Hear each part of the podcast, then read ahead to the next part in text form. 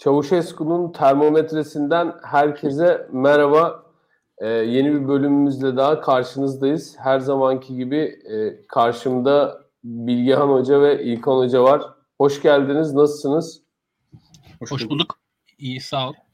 Sen nasılsın? Ee, sen? E, Valla ben de iyiyim. Gündem takip edip duruyorum. E, gündem bağımlısı oldum gerçekten. Bugün de çok yoğundu işlerim ama yine de gündemi başarılı bir şekilde takip ettiğimi düşünüyorum. E, Türkiye tabii hızlı durmuyor. E, maşallah son dönemde enteresan şeyler yaşıyoruz. E, hepimizin bildiği üzere e, Berat Albayrak istifa etti. Yani tabii e, ya belki de hepimiz bütün toplum olarak bir illüzyon yaşıyoruz bilmiyorum. Çünkü hükümet henüz bir açıklama yapmadı konuyla ilgili. Sadece milyonlarca insan olarak biz böyle bir istifanın olduğunu düşünüyoruz ama henüz devlet yetkililerinden bir açıklama gelmiş değil. Türkiye'nin en önemli koltuğu şu anda boş görünüyor ama konuyla ilgili e, resmi makamlarca teyit edilmiş bir şey yok. E, enteresan bir durum var. E, Bilgehan Hocam senden başlayalım. E, tamam. Ne oldu, nasıl oldu, e, neden böyle oldu e, yorumlarını alalım. Buyur. Evet tabii öncelikli olarak Berat Albayrak'ın istifası bizim için çok problemli. Çünkü bizim şu ana kadar yaptığımız e, analizleri ya yanlışlıyor ya da Türkiye'nin çok önemli bir dönüm noktasında olduğunu gösteriyor. E, tabii ben ikincisini düşünüyorum. Yaptığımız analizlerin yanlış olmadığını düşünüyorum. Neydi bizim şu ana kadar ortaya koyduğumuz e, iddialar? E, birincisi biz e, Berat Albayrak'ın ve onun network'ünün e, Sayın Cumhurbaşkanı'ndan daha ayrı, daha otonom, daha özel bir kişiliğe sahip olduğunu iddia etmiyorduk. E, yani Cumhurbaşkanı iyi, çevresi kötü argümanını biz desteklemiyorduk. E, Cumhurbaşkanı'nın bizzat arzu ettiği sistemin Sayın Hazine ve Maliye Bakanı tarafından tasarlandığını ve yürütüldüğünü iddia ediyorduk. İkincisi, biz yaşanan ekonomik sıkıntıların ekonomik kadrosunun basiretsizliğinden kaynaklanmadığını, ortaya koyan, konan siyasi hedeflerin ve yaratılan siyasi yapının e, kim olursa olsun, ne kadar yetenekli olursa olsun, e, ekonomiyi kim yönetirse yönetsin benzer sonuçlar üreteceğini iddia ediyorduk. Şimdi tabii dün akşamki istifa bu e, analizleri biraz e, gölgede bıraktı. Dediğim gibi iki tane ihtimal ortaya çıkıyor. Ya biz hatalıydık, olabiliriz. E, ya da hakikaten e, çok olmaz denilen bir şey oluyor ve bir hikayenin dönüm noktasındayız. Belki 24 saat geçmesine rağmen herhangi bir açıklamanın yapılmaması bu Berat Albayrak hadisesinin zannedilenden daha büyük, daha önemli bir mesele olduğunu bize göstermesi açısından önemli. Ee, bu şöyle bir şey. Ee, öncelikle şunu söyleyeyim. Ee, bu hikayede arkadaşlar herkes gider. Yani bir şekilde herkes gider. E, Milan Kundera'nın Yavaşlık kitabında e, hız ile düşünme arasında bir ilişki kurar Kundera. Ve der ki hızlı hızlı yolda yürüyen birisi aklına bir şey geldiği zaman, bir şey düşünmeye başladığı zaman dikkat etti, ederseniz hızı yavaşlar, daha ağır yürümeye başlar. Böylece yavaşlık ile düşünme arasında bir ilişki olduğunu iddia eder. Şimdi AK Parti hikayesi de biraz öyle. Yani belli bir noktaya doğru çılgınlar gibi koşan, bir grup insan düşünün. Bu insanlar arasında aniden bir şeyleri düşünmeye, sorgulamaya başlayanlar kaçınılmaz olarak yavaşlıyorlar. Ve arkadan gelen güruh tarafından ayaklar altına alınıyorlar. Onlar oyundan çıkıyor. Yani bizim AK Parti hikayesinde düşünmeye başlayıp muhalif safa geçenler aslında böyle insanlar. E, düşünmeye, sorgulamaya başladığı anda yavaşlıyor ve arkadan gelenler tarafından eziliyor. Öte taraftan hızlı koşanlar arasında da rekabet devam ediyor. Ee, bu Giddens'ın bir e, sultanistik sultanlar hakkında aslında sultanistik rejimler hakkında değil ama klasik çağ sultanları hakkında söylediği bir laf var. Bunlar alt bürokrasinin birbirleriyle olan rekabetini kullanarak iktidarda kalırlar ve uzun süre iktidarda kalan e, yöneticiler, monarklar aslında böyle tiplerdir. E, ve tabii e, Tayyip Bey de bu rekabet rekabetin avantajını alıyor. İnsanları birbirine karşı güç merkezi olarak muhtemelen kullanıyor. Fakat vaka o ki yani elenenler oldu, bir şekilde bu güç için rekabet edip kaybedenler oldu, AK Parti'de gidenler oldu bir şekilde. E, fakat biz e, Sayın Berat Albayrak ile birlikte bu işin doyum noktasına ulaştığını ve tarihin artık sonunun geldiğini düşünmüştük. Çünkü e, Albayrak aslında e, Tayyip Bey'in güven problemini çözebilmesi açısından kendisine çok yakın bir figür. Yani her şeyden önce, her şeyden önce ortaya çıkan güven probleminin çözülmesi açısından kendi ailesinden birisine bu kadar yetki vermesi, bu kadar öne çıkartması, hatta bakanlar arasında birinci yapması, aslında fiili olarak başbakan gibi, fiili olarak hükümet koordinatörü gibi hareket etmesi bunun sonucu. Bir güven sorunu oluştu ortaklarının kendisine sürekli olarak ihanet edebileceği, sürekli olarak parti içerisinde kliklerin otonom alanlar yaratıp kendisine meydan okuyabileceği korkusu Tayyip Bey'i aslında son derece tedirgin ediyordu. Ve ortaya çıkan bu güven açığı bir şekilde e, Berat Albayrak tarafından giderildi. Berat Albayrak'ın böyle bir rolü vardı. E, dolayısıyla o güven sorunu bu şekilde aşılmış oldu. Hatta şunu da söyleyebilirim ki sürekli olarak toplumun tepesinde dönen e, bir itham meselesi var. Yani herkes Türkiye'de kendisini itham altında hissediyor. O boşuna değil. İtham altında hissetmek bize düşen tarafı, korku altında hissetmek ise Sayın Cumhurbaşkanı'na düşen tarafı. Yani biz itham edilirken öteki tarafta büyük bir korku, büyük bir belirsizlikle hani e, belirsizlikle karşı karşıya böyle bir durum ona da sunuluyor. Dolayısıyla bundan kazançlı çıkanlar e, Sayın Berat Albayrak ve onun kurduğu sistem içerisindeki insanlar oluyor. Onlar sürekli olarak vigilantist bir şekilde yani kendilerine bir görev atfederek e, Tayyip Bey'in korumalığını, fedailiğini üstlenerek hareket ediyorlar. Bunun üzerine bir medya sistemi kuruldu. Bunun üzerine bir akademik sistem kuruldu. Bunun üzerine bir e, sivil toplum ağı kuruldu. İş dünyası, bürokrasi bunun üzerine organize edildi ve hani bugün bizim görüp sürekli olarak eleştirdiğimiz işte şu kurumun başına bilmem e, şunun kuzeninin eniştesi atandı. Hep aileden bürokratların atanması meselesi aslında tek bir olguyu gösteriyor. Bunlar sadakat olarak Sayın Berat Albayrak'a çok bağlı ve e, Sayın Cumhurbaşkanı'nın güven e, konusundaki kaygılarını gidermeye yönelik insanlar. Hani ne kadar layık olduklarından bağımsız öncelikli olarak bu mesele ortada. E, çünkü Fethullahçılarla yaşanan meseleler, daha sonra işte çözüm sürecinin bitmesiyle birlikte Kürtlerle yaşanan hadiseler e, Sayın Erdoğan'da büyük bir güven bunalımı yarattı. Yani Berat Albayrak'ın oynadığı böyle bir rol var. İkincisi gücü de aynı zamanda merkezileştirmek istiyor ve gücü de çok fazla e, paylaşmak istemiyor. Şimdi böyle bir sistem, bu başkanlık sistemi dediğimiz sistem aslında uzun zamandır e, Tayyip Bey'in kafasında vardı. Fakat bu denli radikal bir başkanlık sistemi e, aslında sadece Tayyip Bey'in arzu ettiği değil, bir şekilde ona yakın olan, bir şekilde ona yakın olan ve bu yetkileri Tayyip Bey eline geçirdiği zaman yakınlığı sayesinde kendisi de onun kadar yetkili olabilecek bir insanın da arzusuydu. Yani Berat Albayrak'ın da arzusuydu. Hani biz hep başkanlık sistemi e, e, Sayın Tayyip Erdoğan'a göre biçilmiş bir elbise diyoruz ya aslında aynı zamanda Berat Albayrak'a göre de biçilmiş bir elbise.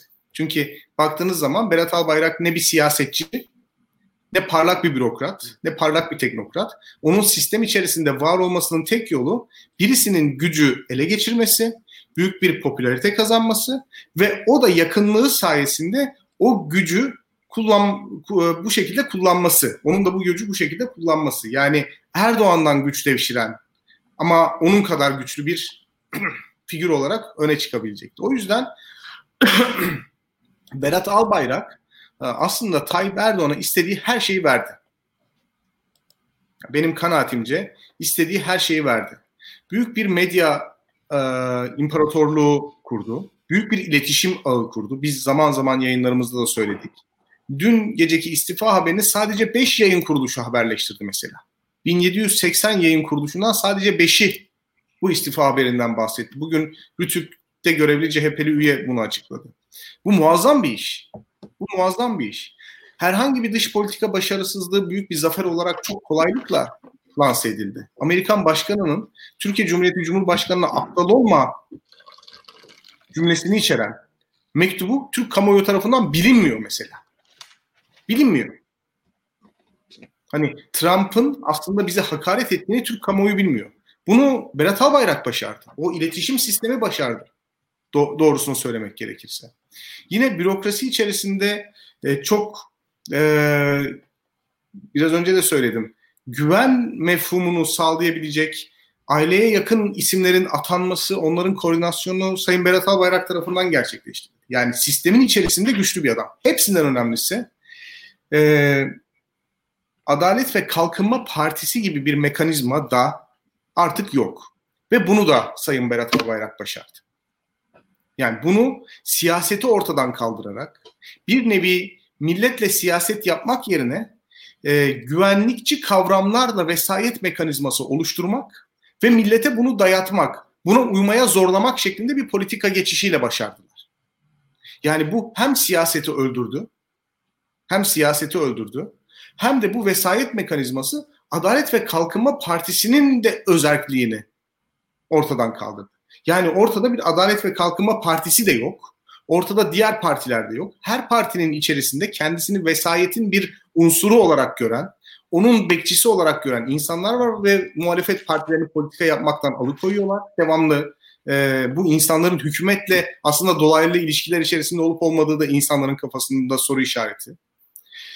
Bu vesayet sistemi sayesinde Sayın Berat Albayrak Adalet ve Kalkınma Partisi'ni öldürme pahasına siyaseti öldürdü ve e, Tayyip Bey'in Devlet Bey'le e, Doğu Perinçek ve birçok grup ile resmi gayri resmi, meşru gayrimeşru diyelim, e, işbirliğine girebilmesini beraberinde getirdi. Yani bugün Devlet Bahçeli, Sayın Devlet Bahçeli, Adalet ve Kalkınma Partisi'nden hiç hoşlanmaz. Yani Bülent Arınç'tan, Ahmet Davutoğlu'ndan, Adalet ve Kalkınma Partisi'ne Adalet ve Kalkınma Partisi yapan kişilerden, fikirlerden hiç hoşlanmaz. Onun hoşlandığı şey bir milli güvenlik söyleminin ülkenin vesayet mekanizması olarak çalışması ve Sayın Tayyip Erdoğan'ın da parti kimliğinden ziyade o güvenlik söylemine adanmış bir politikacı olarak ortaya çıkması. Bu şekilde ittifak kuruldu. Sayın Doğu Perinçek'le de öyle. Anlatabiliyor muyum? Berat Albayrak başlı başına bu siyasetsizliği simgeleyen bir adamdı. Başlı başına bu siyasetsizliği simgeleyen bir adamdı. O yüzden Adalet ve Kalkınma Partilerin çoğu da Berat Albayrak'tan pek hoşlanmazdı. Halen de hoşlanmıyorlar. Yani hoşlandıkları kişi Berat Albayrak değil. Çünkü o siyasetsizliği temsil ediyor. Ama o siyasetsizlik Cumhur İttifakı'nın e, kurulmasını beraberinde getirdi. Cumhur İttifakı dediğiniz şey büyük bir şey. Yani içinde sadece siyasi partiler yok. Yani bu Cumhur İttifakı'nın içerisinde e, Hazine Bakanı'nın istifasından sonra açıklama yapan e, isimler var. Hani niye açıklama yaptığına şaşırdığımız isimler var. Tarikatlar var, cemaatler var, çeşitli sivil toplum örgütleri var, çeşitli ideolojik gruplar var. Yani çok büyük bir parça aslında Cumhur İttifakı. Biz sadece siyasi partileri görüyoruz. Bunun kurulabilmesi Adalet ve Kalkınma Partisi'nin de o kurucu değerlerinden, kurucu bürokrasisinden, kurumsal mekanizmasına uzaklaşmasıyla mümkün oldu. Dolayısıyla ortaya bir siyasetsiz durum çıktı ve bu siyasetsiz durumun mimarı, e, mihenk taşı bana sorarsanız Sayın Berat Albayrak'tı. Şimdi onun sistemden çekilmesini tartışıyoruz. Yani onun sistemden çekilmesi e, o kadar kolay bir iş değil. Yani Süleyman Soylu'nun istifasından farklı olarak e, Berat Albayrak'ın istifası e, biraz farklı şeyleri tetikleyebilir. Süleyman Sayın Süleyman Soylu'nun istifası halkta büyük tepki oluşturabilirdi. AK Parti'nin içinde bölünme yaratabilirdi. İşte bir takım insanları AK Parti'den soğutabilirdi. Süleyman Soylu'nun yeni başlayacağı siyasi hikayeler bunda belirleyici olabilirdi. Fakat e, Hazine ve Maliye Bakanı'nın istifası sadece bir bakanın istifası değil. Yani ekonomiyi kötü yöneten bir bakanın istifası değil. Şu anda kurulmuş sistemin, başkanlık sisteminin bütün argümanlarıyla, bütün psikolojisiyle, bütün atmosferiyle mimarının istifası ve onun sistemden çekilmesi durumunda yerine eğer eski AK Parti'nin gelmesi durumunda Cumhur İttifakı'nın da geleceğini tehlikeye atacak. Türkiye'de siyaseti yeniden hareketlendirecek bir duruma işaret ediyor. O yüzden o taşı çektiğiniz zaman birçok farklı taşlar üst üste birbirine yıkılabilir. Ben bu bakımdan çok önemsiyorum. Burada ona daha sonra gelelim. Neyse ben Bilgehan Hoca bütün program bizle olamayacak. E, ama e, önce bir İlkan'a dönelim. Hocam sonra ikinci turda size e, yine geleyim. İlkan senin de yorumlarını alalım. Çünkü bence bir sonraki turda bir de siyasetin simgesi olan ikinci bir kişi var e, partinin içinde. Onun durumunu da konuşmamız lazım bence. Yani Süleyman Soylu bence siyaseti simgeleyen bir e, pozisyonda. Berat Albayrak'ın siyasetsizliği simgelediği gibi. Onu da konuşmamız lazım. Önce senin yorumunu alayım e, durumla ilgili. Ee, Burak, durumun tamamıyla ilgili her şeyi yorumlayayım mı? Yoksa bir kısmını mı anlatayım? Şimdi bir, bir, bir kısmı istersen bir kısmını anlat sonra Burak Hoca gittikten sonra biz belki birazcık daha e, ayrıntılı Hı-hı. konuşabiliriz. Peki. E, şimdi bir defa olayı görmek lazım. Dün akşam e, saat 7 civarında bir istifa e, açıklaması geldi. Bu istifa açıklamasının ardından istifa açıklamasını yapan Berat Albayrak e, total bir medya sessizliğine büründü. Kendisi büründüğü gibi toplum e, televizyonları da büründürdü. Yani benim daha önce gördüğüm bu sessizlik 31 Mart gecesi Anadolu Ajansı'nın sessizliğini hatırlattı bana. Benzer bir tavırdı, benzer bir refleksti. Yani şöyle bir şey var. Kendi yaptığı açıklamanın haber olmasını engelledi Berat Albayrak diye düşünüyorum ben. Bir defa bunu söyleyeyim.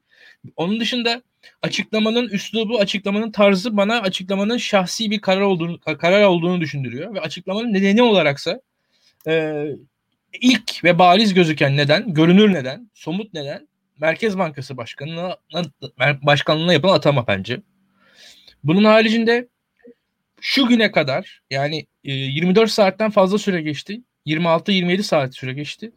E, net bir durum, net bir izah yok. Şimdi siyasi partiler e, sonuçta toplumla ilişki kuran yapılar.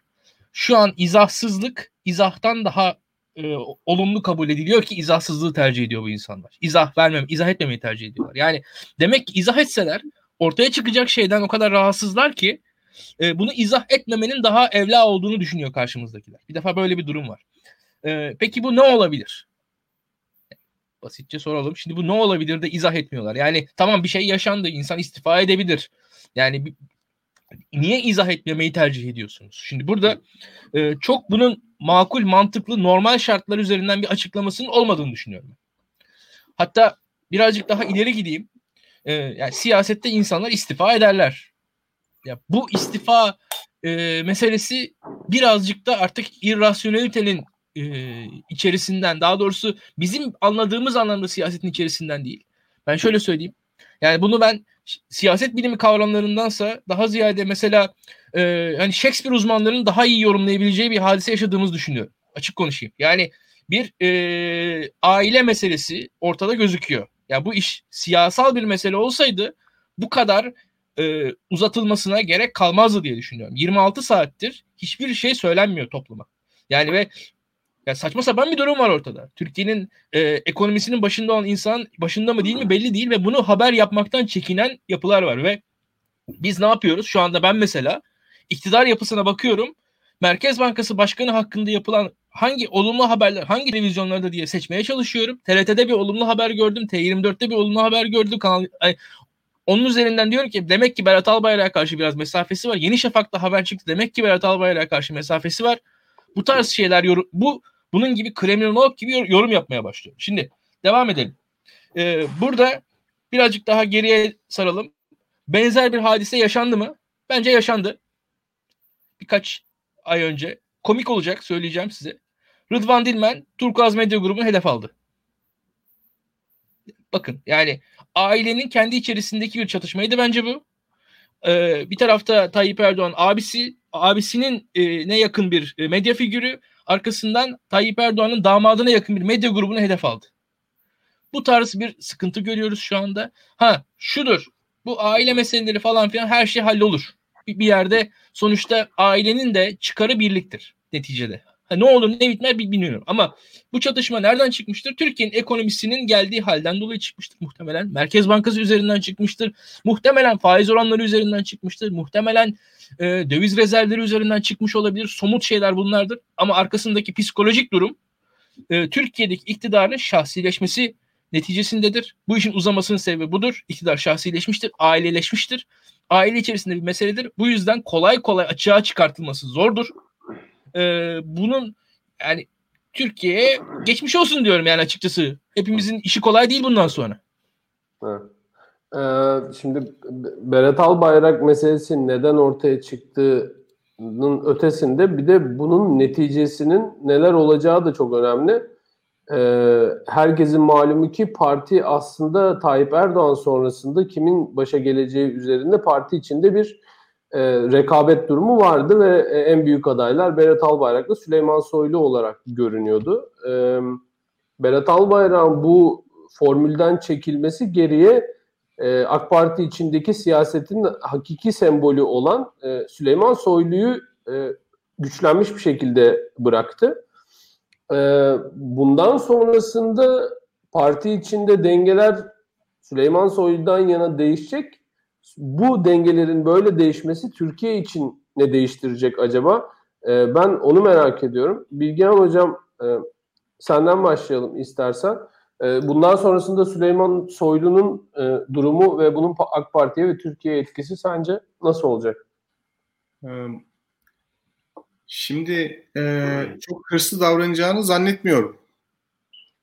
İçişleri Bakanı'nın.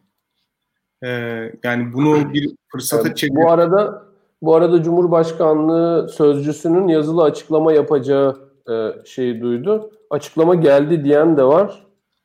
E, bulmaya çalışıyorum. Sen buyur hocam ben e, bulup size getireceğim. E, yani İçişleri Bakanı için aslında e, iyi bir oynama alanı açıldı. Çünkü e, kendi ajandasına hizmet eden hırslı bir siyasi figürden ziyade AK Parti'nin e, veteran politikacılarıyla dayanışan, AK Parti'yi ayakta tutmaya çalışan, e, teşkilatçılık yapan, parti için çalışıp çırpınan bir figür olarak e, sadece e, halkın gözünde değil aynı zamanda parti elitinin de gözünde önemli bir avantaj sağlayacaktır. Biz Süleyman Soylu'yu İstanbul seçimlerinde de ön planda gördük. Binali Yıldırım'ın yanındaydı sürekli olarak. Ee, Süleyman Soylu e, bu burada bir avantaj elde etti. Fakat bu avantajı e, Süleyman Soylu olduğu için elde etmedi. Parti e, başkanlık sistemine e, bana sorarsanız e, bir tepki verdi. Bir tepkiyi veriyordu zaten. Yani buradan hiç kimse çok memnun değildi. Kabul edilmiş mi istifa? E, hocam yok henüz şey yok. E, istifa kabul edildi yazmış birisi ama e, şey bulamıyorum. Haber henüz göremedim. Ben Ama istifa kabul edildiği yazdık yazdıklarına göre bu arada. Farkındaysanız toplu giriyor. evet evet kabul edilmiş Twitter'dan açıklama gelmiş. Evet, evet. Ee, yine bir e, Çavuşescu'nun termometresi akşamında e, çılgın gelişmeler yaşanıyor. Evet hocam. E, evet. Yeni bu evet. yeni bilgiyle birlikte Tamam. Ay, e, Ayşe Çavdar Ayşe Çavdar Hanım da istifa Evet Ayşe hocamız da yazdı. Biz, biz Ay, Ayşe Hanım'a inanırız. Evet. Evet. Ayşe Hanım diyorsa doğrudur. Buyur hocam. Ee, şöyle e, ya anlaşılıyor ki bu işte Canikli'nin ismi geçiyor. Naci Abal, Bülent Arınç'ın açıklamaları. Yani AK Parti'nin içerisinde parti kimliğinin korunması gerektiğini düşünen, hatta parlamenter Doğru. sisteme geçilmesi gerektiğini düşünen insanlar var. Ve başkanlık sistemini parti kimliği için, milletvekili otonomisi için, parti kurumsallığı için tehdit gören insanlar da var. Önümüzdeki dönemde İçişleri Bakanı açısından işte siyaseten oynama alanı buraya tekabül ediyor. Artık AK Parti'yi savunan bir figür olarak ortaya çıkabilir. Yani başkanlık sistemiyle e, e AK Parti'nin geleceği birbiriyle çok e, müsemma değildi. Yani birbirini tehdit eden haldeydi. Dolayısıyla e, Sayın Cumhurbaşkanı'nı savunmak ile AK Parti'yi savunmak aynı anda mümkün olabilecek şeyler değildi. Fakat e, Sayın Berat Albayrak'ın istifasıyla birlikte e, artık hem AK Parti'yi savunmak hem de e, Tayyip Bey'i savunmak aynı anda mümkün hale geldi.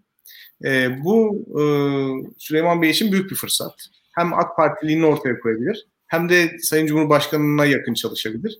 Berat Albayrak'ın ortadan çekilmesi böyle bir sonuç üretebilir. Fakat bu durum AK Parti'yi topyekun olarak ortaya çıkartacak ve görünür kılacak olduğu için ve AK Parti'de her siyasi parti gibi böyle Ankara yazanelerinde üretilen söylemleri e, politika olarak benimsemek yerine halkın sorunlarını çözmek için orada olduğu için e, bu mevzu e, Adalet ve Kalkınma Partisi'ni Cumhur İttifakı'nın diğer ortaklarından çok hızlı bir şekilde koparabilir. Yani Cem Küçük'le e, Metin Özkan ve Hulki Cevizoğlu harika anlaşabilirler. Ankara yazhanesinde oturup e, Türkiye'nin güvenlik sorunları üzerinde mutabık kalabilirler. Ve hadi bu sorunları hep beraber köşelerimizde yazalım, televizyonlarda bahsedelim, buna karşı çıkan herkesi yıldıralım diyebilirler. Fakat halkın sorunlarını çözmek isteyen siyasi parti bu insanlara yüz vermez. Bu insanların söylemleriyle hareket etmez. Yani bu ülkede Kürtler yaşar, bu ülkede Aleviler yaşar, bu ülkede yoksullar yaşar, bu ülkede insanların ekmek bulamama sorunu vardır, bu insanlar bu ülkede insanların yoksullaşma sorunu vardır, deprem sorunu vardır, pratik sorunları vardır, üniversite imtihanına girecek öğrencilerin bir öngörülebilirlik sorunu var. Siyasi parti bunları bu sinyalleri alır ve politika yapıcıya üretir. Siyasi partinin aslında demokrasi için amacı, anlamı budur. Şimdi eğer AK Parti tekrar bir siyasi parti olarak ortaya çıkarsa artık işte biraz önce bahsettiğim böyle küçük Ankara yazıhanelerinde üretilen kurgusal, fabrike edilmiş e, beylik sözler, tehdit tanımları, e, soyut güvenlik kaygıları pek de anlam ifade etmeyecek. E böyle olunca da AK Parti ile MHP arasında, AK Parti ile Vatan Partisi arasında, işte AK Parti ile ilişkiler temelinden sarsılır. Yeni ittifaklar ortaya çıkabilir. Yani AK Parti yeni ittifaklar kurabilir. MHP yeni ittifaklar kurabilir. Fakat Berat Albayrak'ın gidişi sadece Süleyman Soylu için değil, bütün olarak siyasal sistem için çok anlamlı bir hadise. Çünkü onun gittiği zaman ortaya çıkacak boşluk, biraz önce dediğim gibi yani biz aslında onun onun ve onun ekibinin yarattığı psikolojiyi yaşıyoruz. O dili konuşuyoruz. O konuları konuşuyoruz. İlkan aylardır bunu anlatıyor. Yani bizim konuştuğumuz mesele aslında konuşmamızı istedikleri mesele.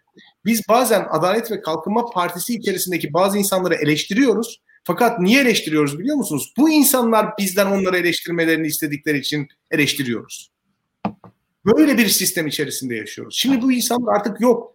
Buradan çekildikten sonra siyaset kaçınılmaz olarak bu boşluğu kapatmaya çalışacak. Bu boşluğu görünen o ki e, Tayyip Adalet ve Kalkınma Partisi'nin kıdemli siyasetçileriyle acil olarak doldurmaya çalışıyor. E, bu insanların Yalnız bu noktada böyle bir risk almaları beraberinde tabii Adalet ve Kalkınma Partisi'nin yeniden aktör olarak oyuna sokar. Evet. Ee, İlkan e, bizim kıdemli Süleyman Soylu uzmanımız sensin. Senin yorumlarını alalım. Ee, Burak e, senden özür dileyerek çok da Süleyman Soylu merkezli bir analiz yapmayacağım şimdi. Ee, ilk başta şunu söylemiştim bir aile meselesi olduğundan bahsetmiştim. Yani burada ailenin diğer unsurlarının da etkili olduğunu görüyorum. Hatta istifa kabul metnindeki af kelimesi bana biraz onu hatırlatıyor. Onu söyleyebilirim. Daha ziyade aile büyüklerinin dilini hatırlatıyor. Bunun dışında şunu belirtebilirim. Yani mesela Ayşe Hanım'ın yorumunda Bilal Erdoğan'dan bahsetmişti. Bakın TRT deki çok üst düzey bir yöneticiyle bir gazeteci arasında not ettik, not ettik temalı bir tartışma oldu. Normal bir tartışma değildi bu. Yani bu, bu tartışma aslında iki grubun tartışmasıydı. İki grubun tartışması e, ve iki aile grubunun iç tartışmasıydı. İşte Rıdvan Dilmen meselesi iki aile grubun iş tartışmasıydı. Bugünkü olaylar da aslında bir ölçüde o iki aile grubun iş tartışması şeklinde gelişti bence. Ama e, şöyle söyleyeyim. Bugün yaşanan şey Berat Albayrak'ın istifa etmiş et, etmiş olması ve bu istifanın kabul edilmiş olması Tayyip Erdoğan açısından bence sıkıntılı bir sürecin başlangıcıdır. Bir defa bunu söyleyeyim. Yani e, neticede en fazla eleştiriyi çeken muhtemelen AK Partili siyasetçiler arasında toplumda en fazla sevilmeyen kişi şu an görevden alındı bir şekilde. istifa etti, görevden ayrıldı. E, bu hadise sıkıntılıdır. Yani gerçekten sıkıntılıdır. Tayyip Erdoğan için sıkıntılıdır. Bakın e, şu an Berat Al en sevilmeyen kişinin ayrılması neden sıkıntılıdır diyebilirsiniz mantık olarak ama bence sıkıntılıdır. Çünkü Tayyip Erdoğan teknik olarak 18 yaşından beri 15 yaşından beri bir gruba liderlik yapan birisi. Tayyip Erdoğan o yüzden sonuçta grubunu bir yerde tutan birisi.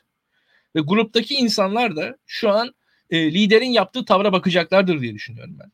Bu tavrın e, Tayyip Erdoğan açısından orta vadede riskli bir tavır olduğunu düşünüyorum. Yani e, yani bir şekilde şu an Berat Albayrak'ın dışarıda kalmış olması, Berat Albayrak bunları yaşamışsa biz ne yaşarız diye başka insanı düşün, ileride düşündürebilir gibi geliyor bana. O açıdan riskli bir tavırdır. Yani şöyle söyleyeyim benim beklemediğim bir tavırdı bu. Ben bugün Tayyip Erdoğan'ın bu istifayı kabul edeceğini beklemiyordum. Ben şaşırdım. Benim dünkü tahminlerim yanlış çıktı. Ben hatalı oldum yani. Ben dün dün bana sorsaydınız ya İlkan ne olur? Bu istifa kabul edilir mi? Ben edilmez derdim.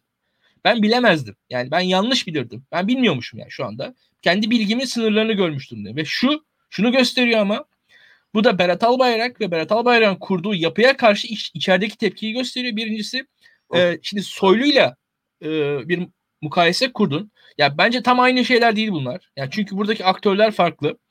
E, ama şu gerçek ki şimdi Soylu daha ziyade popüler bir baskı üzerine o e, konumunu korudu. Yani popüler bir baskı üzerine korudu. Buna karşın burada Berat Albayrak popüler baskı üzerine görevinden ayrıldı diyemem. Ama popüler baskı ve ailenin iç çatışmaları bir araya geldi. Berat Albayrak'ın görevinden ayrılmasına giden süreci doğurdu. Bu işte Merkez Bankası Başkanı'nın de- değişmesi olayında billurlaştı. Bu iki şey birleşti diye evet. düşünüyorum. Hatta yani illa spekülasyon yapmak gerekiyorsa Tayyip Erdoğan'ın e, şöyle söyleyelim son bir ayda yurdu geziyordu. İşte herkes eleştiriyordu. Korona sürecinde miting yapıp duruyor diyordu. Malatya'daki o servisçi olayını hatırlarsanız ekmek bulamıyoruz vesaire. Bu hadiseler bilmiyoruz ama e, etkili olmuş olabilir mi? Olabilir. Bilmiyoruz. İlla spekülasyon yapmak gerekirse ben buradan spekülasyon yaparım. Soylu olayında olduğu gibi hani birini halk seviyordu durdu, birini halk sevmiyordu gitti demiyorum. Çünkü arada bir de e, ailenin iç çatışması faktörü var. Onu da eklemek lazım diye düşünüyorum burada. Ve bunun birincisi e, Tayyip Erdoğan'ın en yakını, en güçlü insanı bir şekilde orada tutmaması e, yani şu an m, bence sıkıntılı bir e, tercihtir Tayyip Erdoğan açısından. Bir diğeri şu an Turkuaz Medya Grubu var.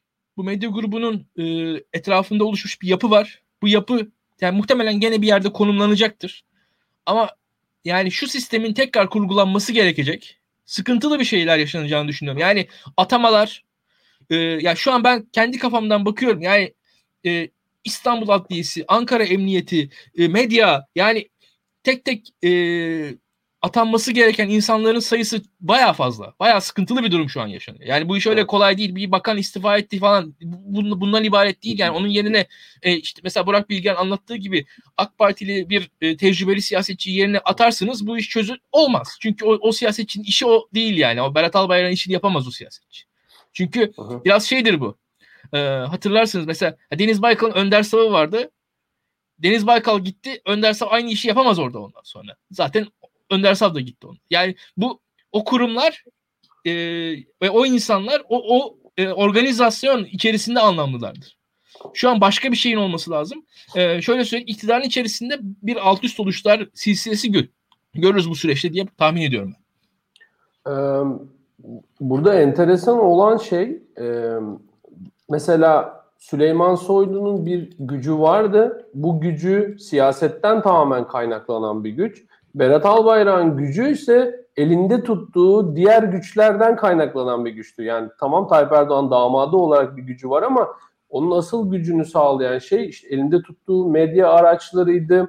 E, yönettiği bazı mesela e, şeyde işte İstanbul grubu olarak bilinen bir e, ekip var ki onun e, işte Berat Albayrak eliyle bazı e, hukuki süreçlere e, etki edebilen bir grup olduğu iddia edilen bir grubu vardı. Yani Berat Albayrak'ın birçok alanda e, kontrol ettiği bir güç vardı. Bu kadar güçlü bir insanın bu kadar elinde güç varken e, tasfiye olabilmesi ve tamamen e, neredeyse bir ya masal kahramanı gibi puf diye gitmesi bana çok aşırı geliyor.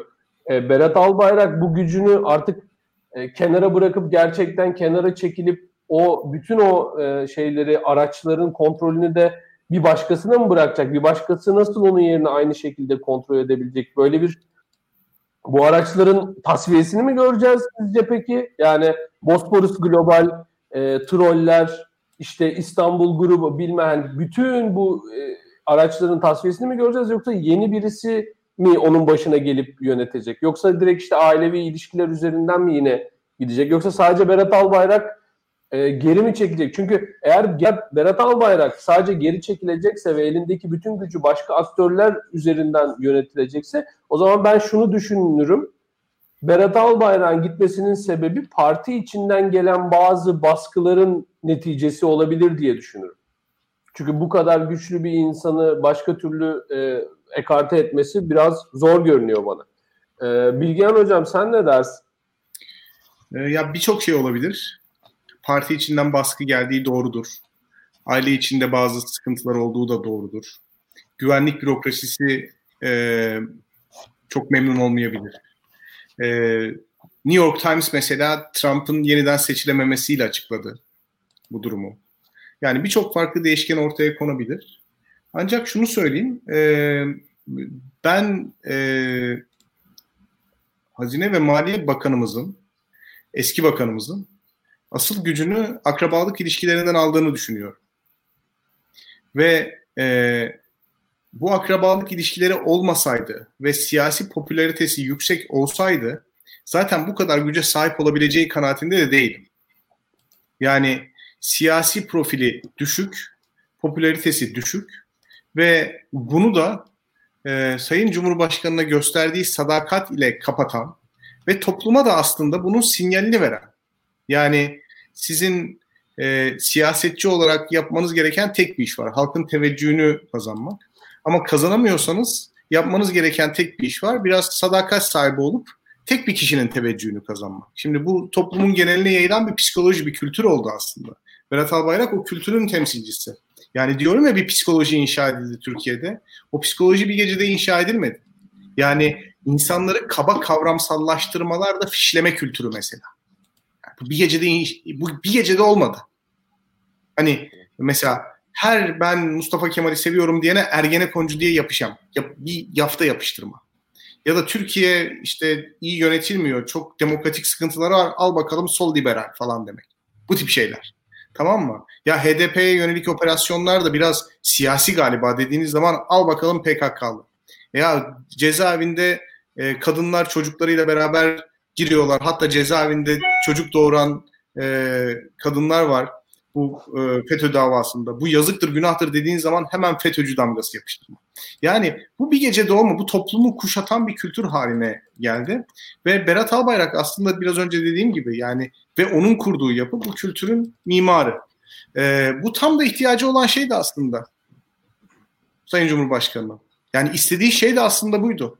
Denetimsiz, denetlenmeyen, siyasi yapıların e, mobilize olamadığı, medyanın yönetimi sorgulamadığı, yargı bürokrasisinin sürekli olarak töhmet altında kaldığı için hükümetten yana karar vermek zorunda kaldığı, bürokrasi içerisinde gruplaşmaların, yapılanmaların olmadığı, en büyük grubun aslında AK Partililere ait olduğu, AK Partililik ya da Cumhur İttifaklılık olduğu. Böyle bir şey arzu ediyordu. Böyle bir sistem kuruldu. Yani bu sistemi e, Albayrak e, çok arzu ettiği için ya da ideallerinde böyle bir sistem olduğu için kurmadı. Albayrak çok fazla güçlü olmak istiyordu. Buna dair hırsları vardı ve onun bu hırslarıyla Sayın Cumhurbaşkanı'nın başkanlık sistemi hırsları bir yerde örtüştü. Mükemmel bir e, aslında ne derler uyum meydana geldi. Yani biz 5 senedir bir kabus yaşıyoruz. Bu kabus bu uyumun sonucu aslında. Ve öyle bir hal aldı ki AK Partili olmayanları kriminalize etme kültürü. Türk siyasetinde güvenlikçilik üzerinden ekmek yiyen bütün siyasi partileri de ona çekti. İşte ulusalcıları, aydınlıkçıları, MHP'lileri. Yani o, o kültürün içerisine çekmeye başladı. Yani bu Cumhur İttifakı da hadi seçime beraber girelim biraz fazla oyalalım ittifakı falan da değil yani. Hani doğal seyri içerisinde politika bu yöne evrildi. Ee, şimdi hepsinden önemlisi bu aile bağı dediğim şey ise bunlar olup biterken Sayın Cumhurbaşkanı'nın için rahat olmasını beraberinde getiriyordu. Yani bu işi e, 7 kat yabancı bir adama yaptırmadı. Hani Türk medyasının %95'ini kontrol edebilen bir adam e, 7 kat yabancı birisi değil. Ya da bürokrasiyi kontrol eden bir adam 7 kat yabancı birisi değil. Bu kadar parayı, bu kadar ilişkiyi yöneten adam yabancı birisi değil. Kendi damat, aileden birisi. Ve aile ailenin içerisi siyasetten münezzeh bir alandır. Yani hani aile dediğimiz yer aslında hani kaotik bir dünyaya karşı bir kozmosu simgeler. Böyle bir şeydir. E, o bakımdan üstelik Albayrak ailesi İslamcı hareket adına aslında önemli bir aile. O da rahat ettiren, güven veren bir faktör. Bir de aile bağları kurulduktan sonra e, o güven faktörünü tamamlayan bir e, bir figür oldu. Mesela Süleyman Soylu bu sistemi kurmazdı. Bu sistemi kurmak için bu kadar güç verilmezdi. Bu kadar güç tevdi edilmezdi muhtemelen Süleyman Soylu'ya. Çünkü bu kadar güce sahip olan birisinin bunu Cumhurbaşkanı'na karşı kullanma ihtimali de her zaman mümkün olabilirdi. Ki geçmişte de kullandılar aslında yani. İşte Fethullahçıların yaptığı şey. Yani o gücün Cumhurbaşkanı'na karşı kullanılması. Fakat ne kadar güçlü olursa olsun bunu Cumhurbaşkanı'nın hizmetine sunan, Cumhurbaşkanı güçlendikçe kendisi de güçlenen, e, ne derler bu Kafka'nın Prometheus hikayesi gibi. Yani onu dağlara zincirlediler ya akbabalar ciğerini yiyordu. Ciğerini yedikçe bir yandan tükeniyordu bir yandan da güçleniyordu böyle. Hani onun gibi bir şey. Hani Berat Albayrak güçlü olmak için Cumhurbaşkanı desteklemek zorunda. Cumhurbaşkanı güçlü oldukça zaten ondan güç devşiren insan Berat Albayrak. Erke dönergeci gibi yani. Hiç dışarıdan e, enerji almadan kendi kendine enerji üretiyor. Bunun gibi bir şey. Evet. Ee, İlkan senin eklemek istediğin bir şey var mı? Benim eklemek istediğim Evet Bilgen, evet, Bilgen hocam seni yollayalım. Ee, sana iyi geceler diliyoruz. Çocuklara tamam. e, iyi geceler. Ee, seni yollayıp konuşuruz sizlerle. E, görüşürüz. Tamam görüşürüz hocam. Ee, Bilgehan hocanın e, gidişiyle ekranlarımız boş kalsın istemeyiz. Kadrolu ekonomistimiz Enes Özkan e, yedek oyuncu e, kulübesinden sahalara gelsin. Neyi değil ya? Abi. Millet beni soruyor. Millet kalası çalışkan.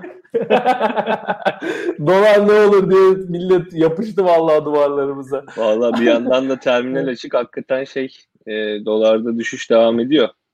Yani. Öyle mi? Boş boş koltuk daha işlevselmiş gibi duruyor. ben sizi bölmeyeyim. İlkan'daydı söz. O evet İlkan, e, İlkan sen devam et. Sonra e, Enes geldi. Ee, şimdi benim bu konulardaki kanaatlerim e, bazen yanlış da çıksa da e, biraz net kanaatlerim var benim. Öyle söyleyeyim. E, yani mesela bence parti içinden gelen bir talep e, ikinci derecede etkindir bu iş bu konumdan bu olan bitenden birileri faydalanabilir mi? Evet faydalanabilir ama faydalanacağını zannettiğiniz insanlar faydalanamayabilir. Yeni bir denklem kurulduğu zaman bu denklemde e, yani Süleyman Soylu'nun belki de gücü azalır hiç belli olmaz. Onu da söyleyeyim. Hiç böyle bu işte garanti yoktur. Yani yarın yeni bir dünya kuruluyor. Şu anda bizim bildiğimiz düzen bugün yıkılmış durumdadır. Bir defa bunu söyleyelim. Yani bugüne kadar yaptığımız AK Parti analizleri, evet. iktidar analizleri artık geçmiş analizlerdir, yeni analizler yapılması gerekmektedir. Bir defa onu söylemek gerekiyor. Ben parti içini o yüzden pek tutmadım. Yani e, onu yedik, bunu geldik o kadar kolay olmayacak o iş. Yani ondan hemen hemen eminim. E, artı dediğim gibi bu tamam aile içerisinden ama ailenin içerisinde bir zaten çatışma var. Yani Rıdvan meselesini o yüzden söyledim. Fuat Uğur'la TRT yöneticisi arasındaki not aldık temalı şeyi aratırsanız bulursunuz zaten. Onu o yüzden söyledim. Bugün bakarsanız e, Başakşehir Trabzonspor çatışması gibi neredeyse yaşanan yani e, Turkuaz medyada açın bakın e, Başakşehir aleyhine yapılan hakem hataları üzerinden neredeyse Başakşehir kullanıyor mu diye e, Sabah gazetesinin haberleri vardı. Bu, bunlar normal şeyler değildir arkadaşlar. Yani bu e, Başakşehir gibi bir takımı Sabah gazetesi eleştiriyordu en fazla. Yani diğer basınların basınların hepsinde önde bir şekilde. Yani bu e, normal bir hadise değildi. Bu ailenin kendi içerisinde bir çatışma vardı. Bir şekilde bu ailenin kendi içerisindeki çatışma zaten gücün odaklandığı yerde e, yani gücün kaynağında bir çatışma var. Ne yazık ki şu an yaşanan şey bu. Hani vahim bir durum.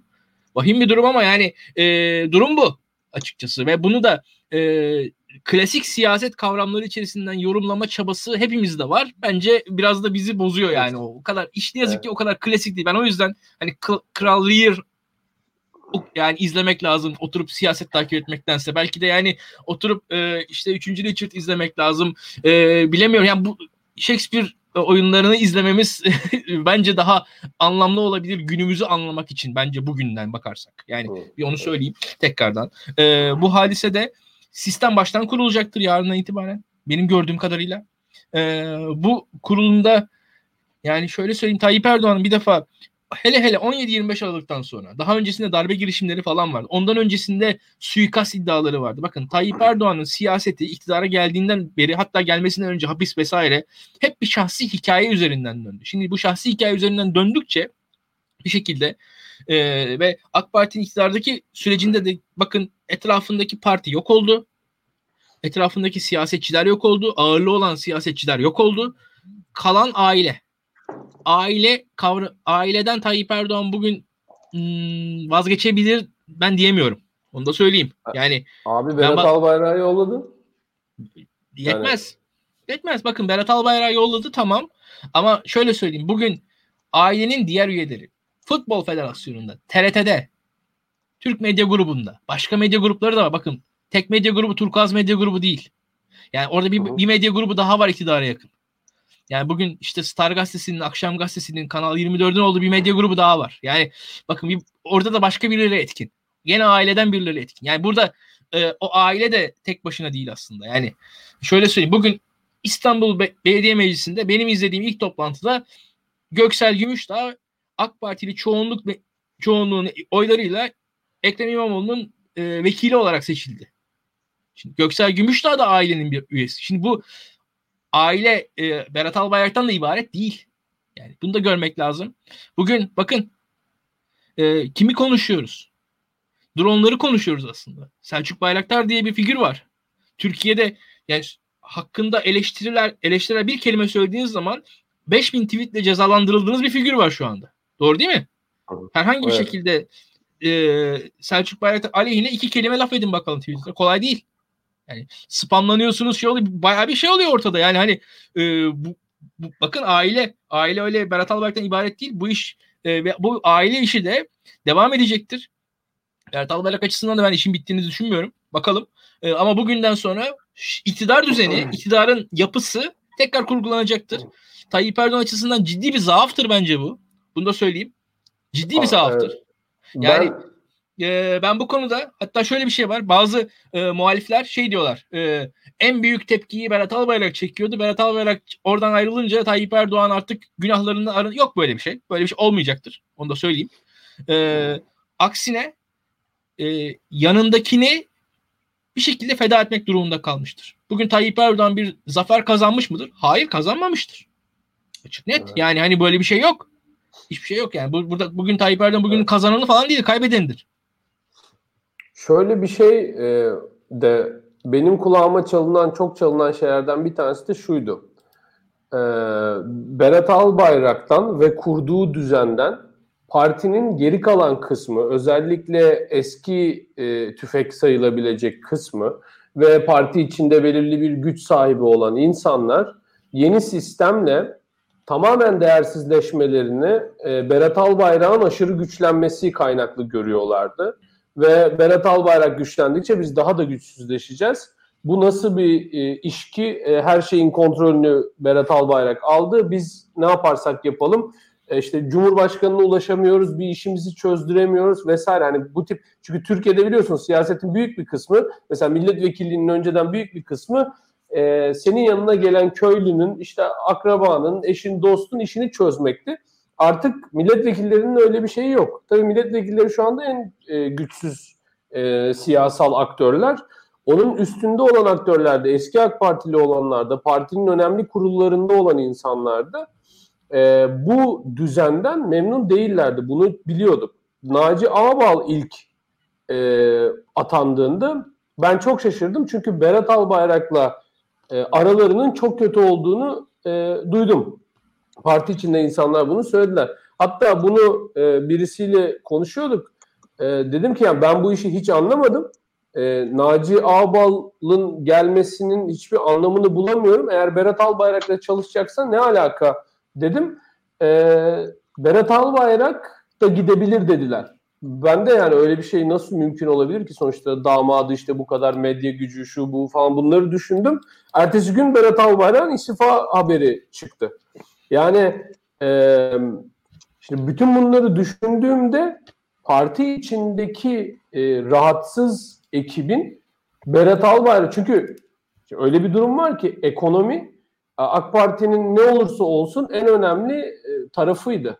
Yani bu tip rejimlerde de zaten meşruiyet sağlamak için otoriter rejimlerde bu gayri safi milli hasılanın artması vesaire bunlar çok önemli şeyler. Biz de hani Türkiye'de de böyle oldu. Hatta ekonomi kötüye gitse bile uzunca bir süre insanlar yine e, yaparsa Tayyip Erdoğan yapar, düzeltirse reis düzeltir diyerek yine AK Parti'ye şeylerini devam ettirdiler. Fakat gücünü siyasetten alan siyasetçiler, AK Parti'nin içindeki siyasetçiler bu ekonomik meşruiyet zemininin de kaydığını gördükçe bence Berat Albayrak'a karşı ciddi bir e, tavır geliştirir hale geldiler ve bütün bu üst düzeydeki aile içi tartışmalar, aileler arası tartışmalar, şunlar bunların yanında partinin e, Cumhurbaşkanlığı sistemi içinde artık sıfırlanabilme ihtimalinin de olduğu bir durumda işi birazcık toparlanması gerektiğini düşünen eski tüfeklerin de ben araya girdiğini ve bu süreçte e, bir şekilde etkili olduklarını düşünüyorum. E, bundan sonrasında da o eski tüfek ekibin desteklediği e, tabii ki Tayyip Erdoğan'ın şeyiyle birlikte e, onayıyla birlikte yeni birinin e, yeni gelen kişinin o eski tüfek insanlar arasında olacağını düşünüyorum. E, hatta işte daha önce de söyledim. Yani Nurettin Canikli ismi bana makul geliyor. E, Nihat Zeybekçi ismi makul geliyor. Yani böyle e, tecrübeli görülen partinin en başından beri partinin e, bir yerinde duran insanların e, oralara geleceğini düşünüyorum. Hatta parti içinde insanlar tekrar ekonomi ve maliye bakanlığı ayrılacak vesaire falan diyenler de var. E, benim de bu meseledeki görüşüm e, bu. Bunu da şey yapmış eklemiş olayım. E, Enes'e şimdi dönelim. Enes e, boş koltuk yönetimi çalışıyor gibi duruyor. E, dolar e, koltuk boşaldıktan bu yana 50 kuruş e, düştü. Daha doğrusu e, Türk lirası değer kazandı diyelim de öyle de hani dolar da biraz şey olmuş sanırım gerçi değer kaybetmiş ama Türk lirası değer kazanıyor boş koltukla birlikte. E, yeni e, Maliye Ekonomi ve Maliye Bakanımız boş koltuğu bu şeyinden dolayı tebrik ederim başarısından dolayı. E, senin önümüzdeki e, süreçte gördüğün şey nedir? E, bu Berat Albayrak'ın etki, istifasının etkisi ve devamında ne olabileceği ile ilgili görüşlerini alalım. Ya şimdi e, dolar biraz önce baktım. E, 7.87-7.86 seviyelerinde e, klasik o satışlar geliyor. Yani hacim artmış durumda. Piyasada alım satım oranı yüksek. Yani e, parmaklar çalışıyor şu an. E, öyle söyleyeyim. E, burada hani benim de söyleyeceğim birçok şey söylendi zaten. Hakikaten içeride bir kurumsallık yok, bireyselleşme var, aile var vesaire bizim baktığımız zaman şuna dikkat etmemiz lazım. E, bunu gündüz de bir yerde söyledim. Şimdi Naci Abal geldi Merkez Bankası Başkanlığı'na. Güzel işte normalde işte iktisatçı birinin Merkez Bankası Başkanı olması çok e, ideal bir durum değildi ama artık alıştık ona. İşte Murat Çetinkaya'dan dolayı alışmış olduk. Sonrasında e, Murat Uysal'la da çok e, iyi ilerlemedi süreç. Şimdi de Naci Abal var. Şimdi şuradaki emin olma durumunu ben çok anlayamıyorum. Naci Abal sen de biraz önce e, söyledin. Eski tüfeklerden biri sayılır. Yani partinin başından biri. Ondan önce de bürokraside çok etkin bir insan. E, yaptığı Maliye Bakanlığı vesaire e, yani çok eleştiriye konu olmadı. Yani her AK Parti icraatı gibi eleştirildi. Aşırı bir eleştiriye konu olmadı. Şimdi kendisi daha kredibilitesi yüksek bir insan olarak Merkez Bankası'nın başına geldi. Ama Murat Çetinkaya da kredibilitesi yüksek bir insan olarak e, Merkez Bankası'nın başına gelmişti. Murat Uysal da kredibilitesi yüksek olarak Merkez Bankası'nın başına gelmişti. Çünkü yani biz bu kredibiliteyi nasıl ölçüyoruz ki? Yani adamın e, iktisat bilgisine mi bakıyoruz? İşte merkez bankacılığı geçmişine mi bakıyoruz? Daha önceki iş yaşamına mı bakıyoruz? Neye bakıyoruz belli değil. Yani orada net bir kriter olmadığı için Cumhurbaşkanı atadı yeni bir isim. İşte daha ferah bir ortam oluşuyor ilk başta. E, bir iki de böyle medyada e, onunlarla ilgili güzel haberler çıkınca evet kredibilitesi yüksek deyip geçiliyor piyasada. Olayın aslında da şöyle bir şeyi var. E, şuna bakmak lazım olayda. E, Merkez Bankası Başkanı'nı görevden alma yetkisi var Cumhurbaşkanı. Asıl bizim bakmamız gereken olay bu. Yani Naci Abal bugün e, Merkez Bankası Başkanı olarak ilk açıklamasını yaptı. Yarın da görevden alınabilir. Bunun önünde herhangi bir engel var mı şu an? Yani rasyonel açıdan düşünürsek çok engel var da yani hükümetin rasyoneliteden uzak yaptığı çok fazla iş de var. Yarın bir engel yok. Yani Merkez Bankası'nın özelliği kalmamış. Ee, başkanlık sisteminde sonra atanan hiçbir Merkez Bankası başkanı görev süresini tamamlayamamış. Şimdi biz burada Naci Ağbal'ın kredibilitesini konuşuyoruz. Yani burada konuşmuyoruz tabii. Ee, daha akıllı insanlar olduğumuz için belki de bilmiyorum ama yani piyasada böyle şeyler konuşuluyor. Bunu da ben şeye bağlıyorum tabii. Şimdi e, en nihayetinde rejim e, çok fazla irrasyonel hareketler yaptığı için yani bir Naci Ağbal hamlesi bile yani tek başına işte daha ideal bir hamle gibi gözüküyor olabilir. E, fakat şeye baktığımızda sistemin genel gidişatına baktığımızda aslında çok bir şeyin değişmediğini görüyoruz. Bunları gerçek konuşmak için erken belki bir şeyler değişecek bilmiyorum. Fakat ne yönde değişeceğine ilişkin henüz elimizde bence bir done yok. Ee, hep şey söyleniyor. E, acaba işte Nurettin Canikli mi olur? İşte Nihat Zeybekçi mi olur? Nihat Zeybekçi belediye başkan adayı olmuş ve kaybetmiş bir isim. Nurettin Canikli'nin bir süredir aktif görevi pek yok. Ee, yani bu duyumlar bana şeyi andırıyor. Yani koltuğa ilk kim oturursa o kapacak gibi. Yani öyle bir oyun vardır ya. Yani Kısıklı'ya ilk kim gitti? Yani acaba Kısıklı'ya ilk kim gitti? Kim daha yakındı? Hani Şehzade gibi yani yol Trabzon'dan çıkan mı daha önce varacak? Amasya'dan çıkan mı? Manisa'dan çıkan mı? Hadi bakalım kim daha önce giderse. Çünkü ortada bir sistem olmadığı için, sistemsizlik olduğu için e, kim daha çok etkileyebilirse e, Sayın Cumhurbaşkanı'nın e, düşünce yapısını diyeyim artık e, onun Maliye Bakanı olma durumu var. E, biraz da şeye bakmak lazım ya bundan sonraki hareketlere bakmak lazım. Şimdi söylentiler doğru da olabilir, yanlış da olabilir. Söylentilerin bazısı hakikaten ekonomide bazı şeyleri düzeltme yoluna gidebilir. Çünkü bundan önce şöyle bir süreç gördük biz. Berat Albayrak'ın son açıklamalarından biri işte biz rekabetçi kur istiyoruz. Onun için dolara bakmıyoruzdu. Ama ondan önceki önemli açıklamalarından biri de e, daha doğrusu önemli hareketlerinden biri de elinin altındaki Merkez Bankası aracılığıyla doları 5.95'te sabit tutabilmek için 6 liraya çıkmamasını sağlayabilmek için Merkez Bankası'nın tüm rezervlerini eritip eksi rezerve yani reel olarak eksi rezerve düşmesini sağlamaktı. Çünkü şu an swap anlaşmalarını rezerv e, yani bilançodan çıkardığımızda eksi yani Merkez Bankası'nın parası yok. E, hatta borcu var. Bu borç kime? Aslında hepimize. Yani bankada dolar tutuyorsanız hepimize borcu var Merkez Bankası'nın. Çünkü hangi parayı harcadı e, Merkez Bankası? Bizim döviz tevdiat hesaplarındaki yani dolar, euro vesaire mevduat hesaplarındaki e, paramızdan zorunlu karşılık olarak e, Merkez Bankası'na yatırılan parayı harcadı Merkez Bankası. Onun için e, Merkez Bankası'nda işlerin düzelmesi hepimizin işine gelecek bir şey. Yani buna sadece siyaseten ya olsun bitsin batsın gözüyle bakmamak lazım. Hakikaten bizim paralarımız harcandı en nihayetinde. E, ve bu paralar da çok garip bir şekilde yani bir servet transferi gibi oldu. Yani benim o rezerv olarak yatırdığım para gitti harcandı fakat ne oldu? Devletin dış borcu mu azaldı? Yok. Özel sektörün borcunda bir 40 milyar dolar azalma var. Devletin borcu iki katına çıkmış. Yani daha doğrusu yükümlülüğü iki katına çıkmış. E demek ki o zaman benden alınan paralar işte özel sektörün dış borcunu finanse etmekte kullanıldı. O da çok da kullanılamamış yani 40, 40 milyar dolarlık bir düşüş var sadece. Çok ciddi bir rakam değil bu. Burada dediğim gibi bu iki şey çok önemli. Bir, Merkez Bankası bizim paralarımızı çatır çatır harcadı doları düşükte tutmak için. Baktılar beceremiyorlar. Ondan sonra dediler ki Çin gibi olacağız, bilmem ne gibi olacağız. Şimdi Berat Albayrak'ın uzun bir süredir e, yani bazı arkadaşların da olduğu gibi e, işte Çin'in kalkınma modeline takık olduğunu biliyoruz.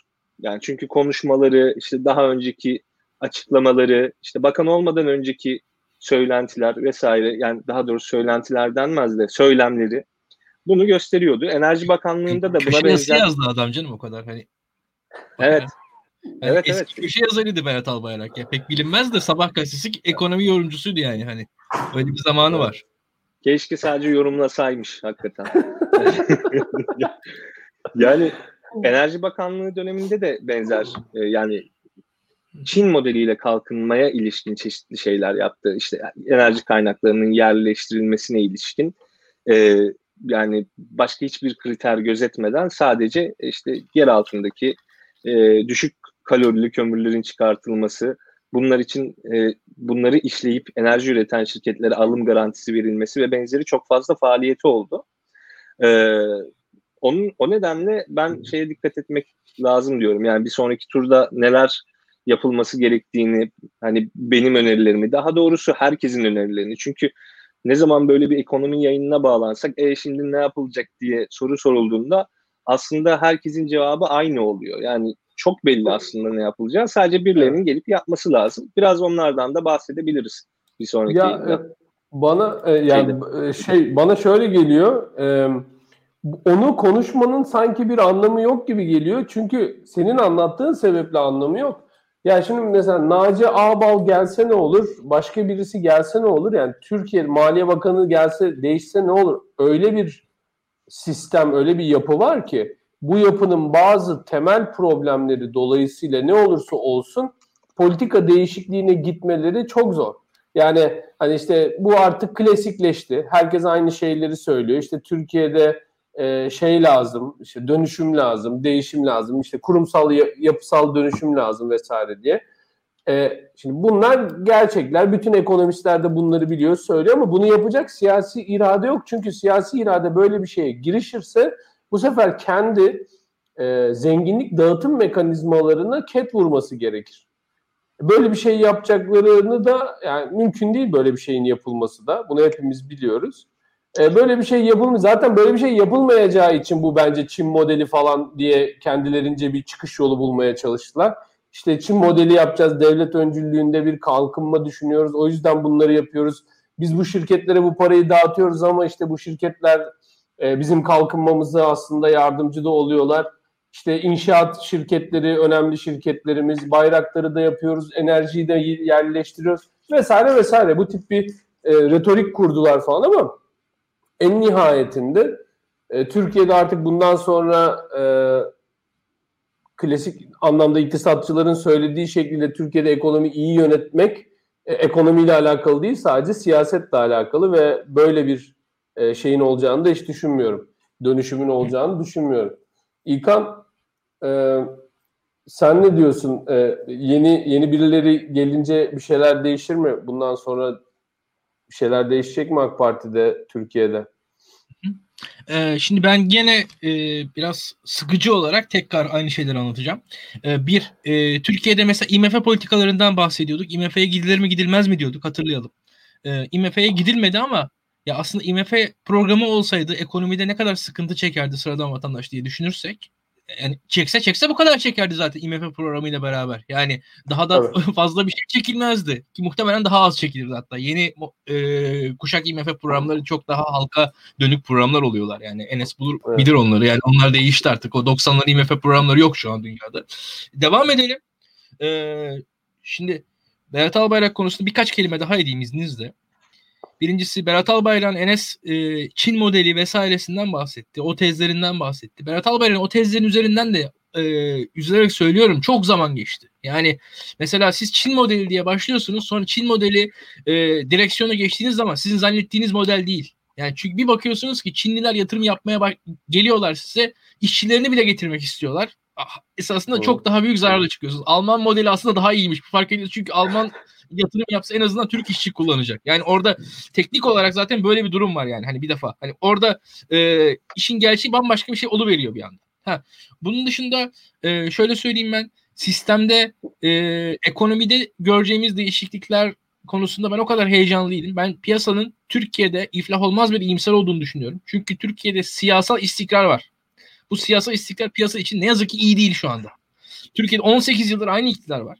18 yıldır aynı iktidar olduğu için Türkiye'de piyasa iktidarın yapacağı iyimser bir hareketi gözlemek durumunda. Yani piyasa bu iktidarda bir e, güzellik bulmak durumunda, bir tebessüm bulmak durumunda, bir e, ne diyelim bir ışıltı bulmak durumunda. Onu arıyor piyasa. Bugün arıyor, dün arıyordu, bir yıl önce de arıyordu. Bence nafile bir arayış bu ama piyasa arıyor. Piyasa böyle bir şey. O arayışı zaten yakalayanlar iyi piyasa oyuncuları oluyorlar. O arayışı anlayamayanlar daha kötü piyasa oyuncuları oluyorlar. Ne yazık ki burada şu piyasa doğruları yapmak anlamına gelmiyor benim gördüğüm kadarıyla. Devam edeyim. Şimdi e, Berat Albayrak'ın süreç içerisinde yaptığı hataların bir kısmını da anlatmak istiyorum. Bu süreçte e, dünden beri Turkuaz Medya Grubu yeterli reaksiyonu gösteremedi bir defa. Net bir şekilde onu görüyoruz teknik olarak kendi yapmaları gereken işi yapmadılar.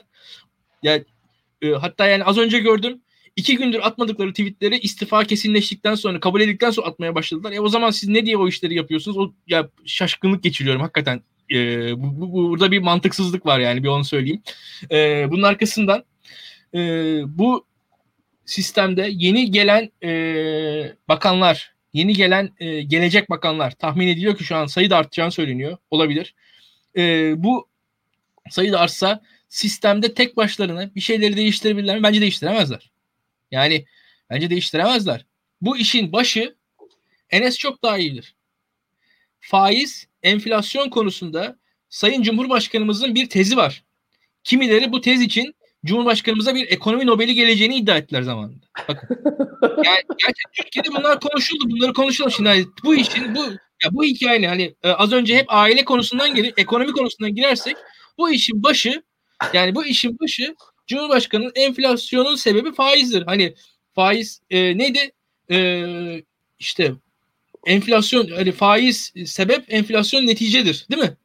Evet evet evet. Yani EFSN diye dalga geçiyordu Ümit Hoca. Şimdi bak, bu, bu ülkenin bu tez, ekonomik şeyinden bir Cemil Ertem Yiğit Bulut geçti ya, ya bu ülkenin evet, ekonomi politikasının üzerinden. Şu an Türkiye'deki bu mesele yani daha da geriye gidelim. Yani e, hani Etiyen Mahçupyan'ın mesela tasfiye olmasına, Erdem Başçılar'ın ayrılmasına ya bu burada çok daha geriden gelen bir mesele var. Arada e, işte McKinsey meselesine, IMF sürecinin olup olmamasına yani bütün bunların arkasında esasında bunlar var. Burada bir ekonomik bir tez var ve bu tezin kaynağı da Berat Albayrak değil.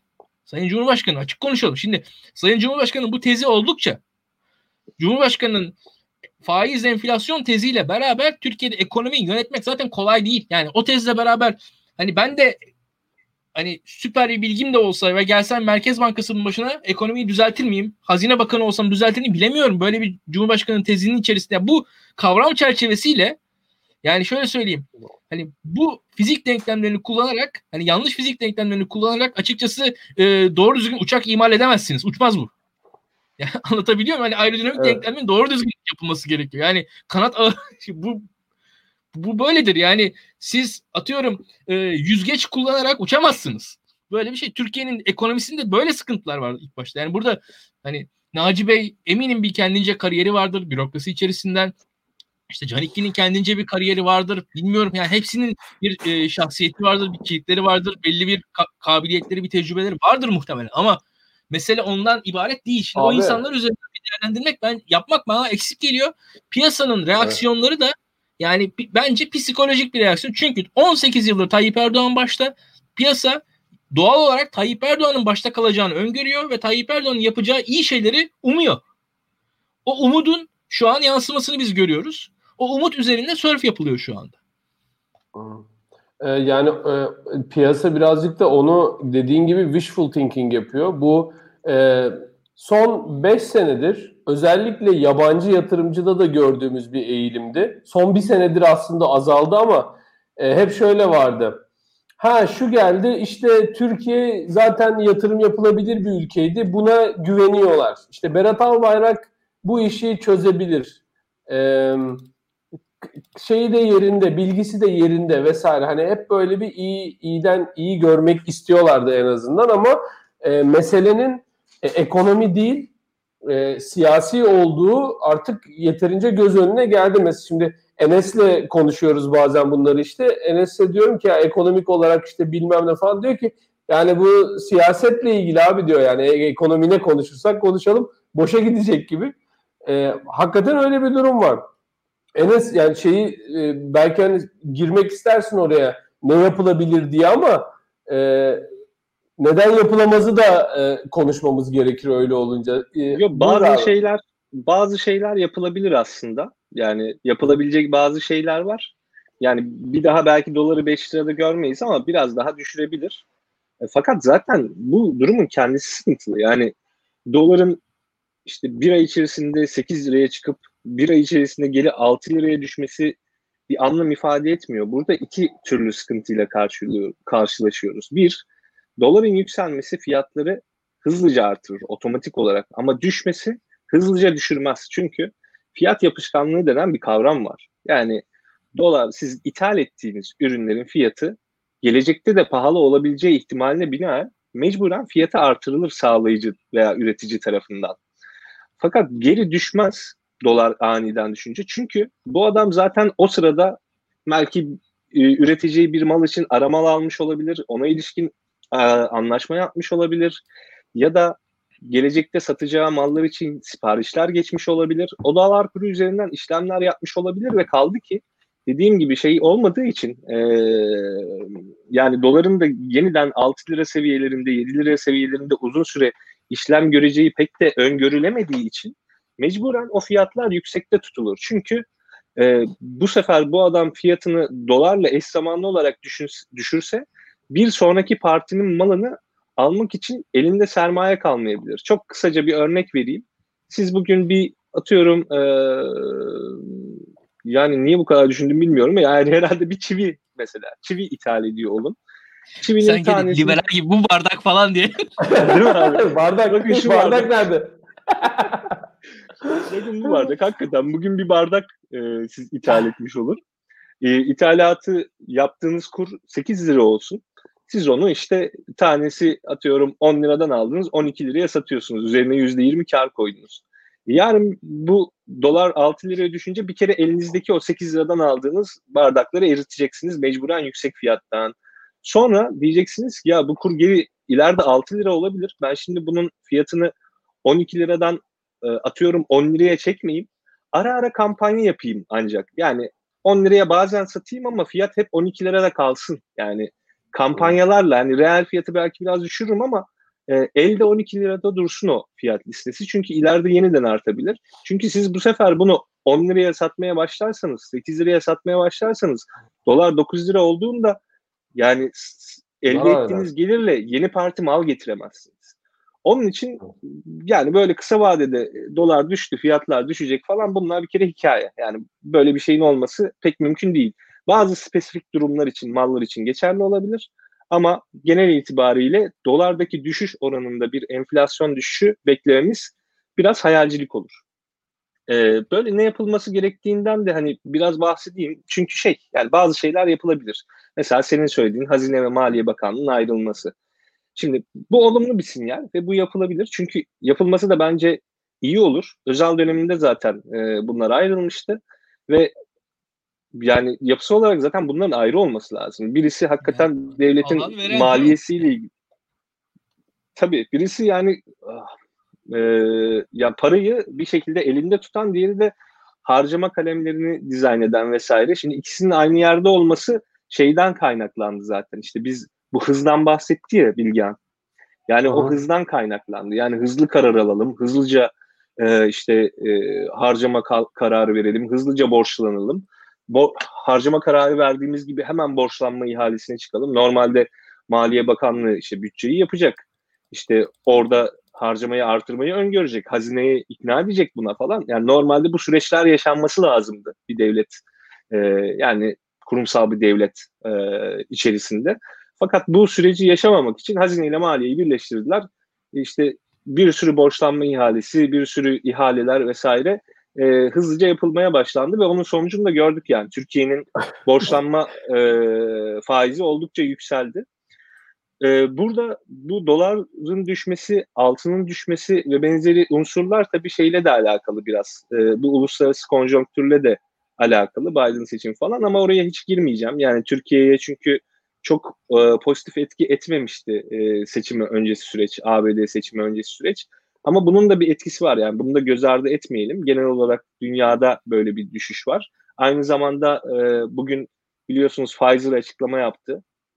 E, hatta bir de Türk ortakları vardı sanırım BioNTech e, şirketi. E, koronavirüsün aşısına ilişkin bir gelişme yaşandı ve %90 koruyuculuk sağlayacağını söylediler. Bu da tabii bazı varlık fiyatlarında düşüşe sebep oldu. Çünkü e, eğer koronavirüs ortadan kalkacaksa piyasalar demek ki eski haliyle yeniden açılabilir gibi bir umut var. Bu kısa vadede olmayacaktır ama en nihayetinde böyle bir umut doğdu. Umut derken de buradan biraz böyle konudan e, konuya atlıyormuş gibi gözükebilirim ama İlkan'ın söylediği o umut tezine hani piyasanın bir şekilde umutlu olma ihtiyacı tezine bir yerden bağlamam gerekirdi hakikaten. Şimdi ekonomi ne kadar kötüye gitse de biz borsada biraz artış gördük. Yani hep o işte endeksin yükselmesini biraz izledik. E, bunun en sebeplerinden, en büyük sebeplerinden biri aslında İlkan'ın bahsettiği şeydi. E, insanların içerisinde bir umut olması lazım. Şimdi bu umut şöyle realize oluyor. E, siz paranızı bir şekilde korumak istiyorsunuz, yatırım yapmak istiyorsunuz vesaire. Artık şeye yönelmeye başlıyorsunuz. Yani tabii bankadan bir faiz geliri elde edemiyorsunuz haliyle. Çünkü faizler e, reel olarak negatifte. Yani bankaya koyduğunuz her para aslında sizin için kayıp. Yani bankaya koyduğunuz parayla bugün 100 ekmek alabiliyorsanız şu faiz oranlarıyla ertesi yıl 90 ekmek falan anca alırsınız. Para onun için büyük bir kayıp oluyor. Ee, bu sonrasında e, sonrasında da e, biraz İçeriden ses mi geldi? çocuk, evet, çocuk uyuyor da. Aynen çocuk uyuyor da biraz sesini kıs. Yani benim kendi sesimi kısmamı iletti hanım. Onun için biraz ahengim bozuldu kusura bakmayın. Reel faiz olan oranlarından bahsediyordum. Hakikaten insanlar bir süre sonra yatırımlarını yönlendirebilecekleri yerler arıyor. E, borsadaki yükselişin bir kısmı da bundan dolayıydı. Yani o umudun realize olmasıydı borsadaki yükseliş. Aynı zamanda tabii endekse baktığımızda borsadaki endekse şeyi de görüyoruz. Yani TL bazında yükseliyor ama dolar bazında tabii o kadar fazla da yükselmiyor. Böyle bir durumda var. Onun için şeyi iyi gözet, gözetmek lazım. Yani bu ekonomideki şu an görünen iyileşme kalıcı olacak mı olmayacak mı? Bunun kalıcı olması e, biraz şeyle alakalı. Yani bu sistemin sürdürülebilir kılınmasıyla alakalı. Ben birkaç madde not almıştım. Bunlardan bahsedeyim. Şimdi e, belki araya girmek istersiniz. Bilmiyorum ben sazı elime aldım konuşuyorum ben, ama. Ne, ne, ne, neyle, neye gireceksin? Çünkü direkt ekonomi programına çevirebilirsin sen diye korkuyorum. ya hayır ilk, CDS ilk, falan filan gir. Ya onlardan bahsetmek lazım. Bahset tabii ya.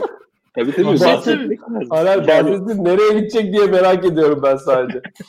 Yok yok aslında şöyle yani herkesin anlayabileceği şekilde zaten bahsetmek lazım. Şimdi bu faiz koridoru mevzusu var. Şimdi herkes Merkez Bankası biraz önce e, İlkan bahsetti.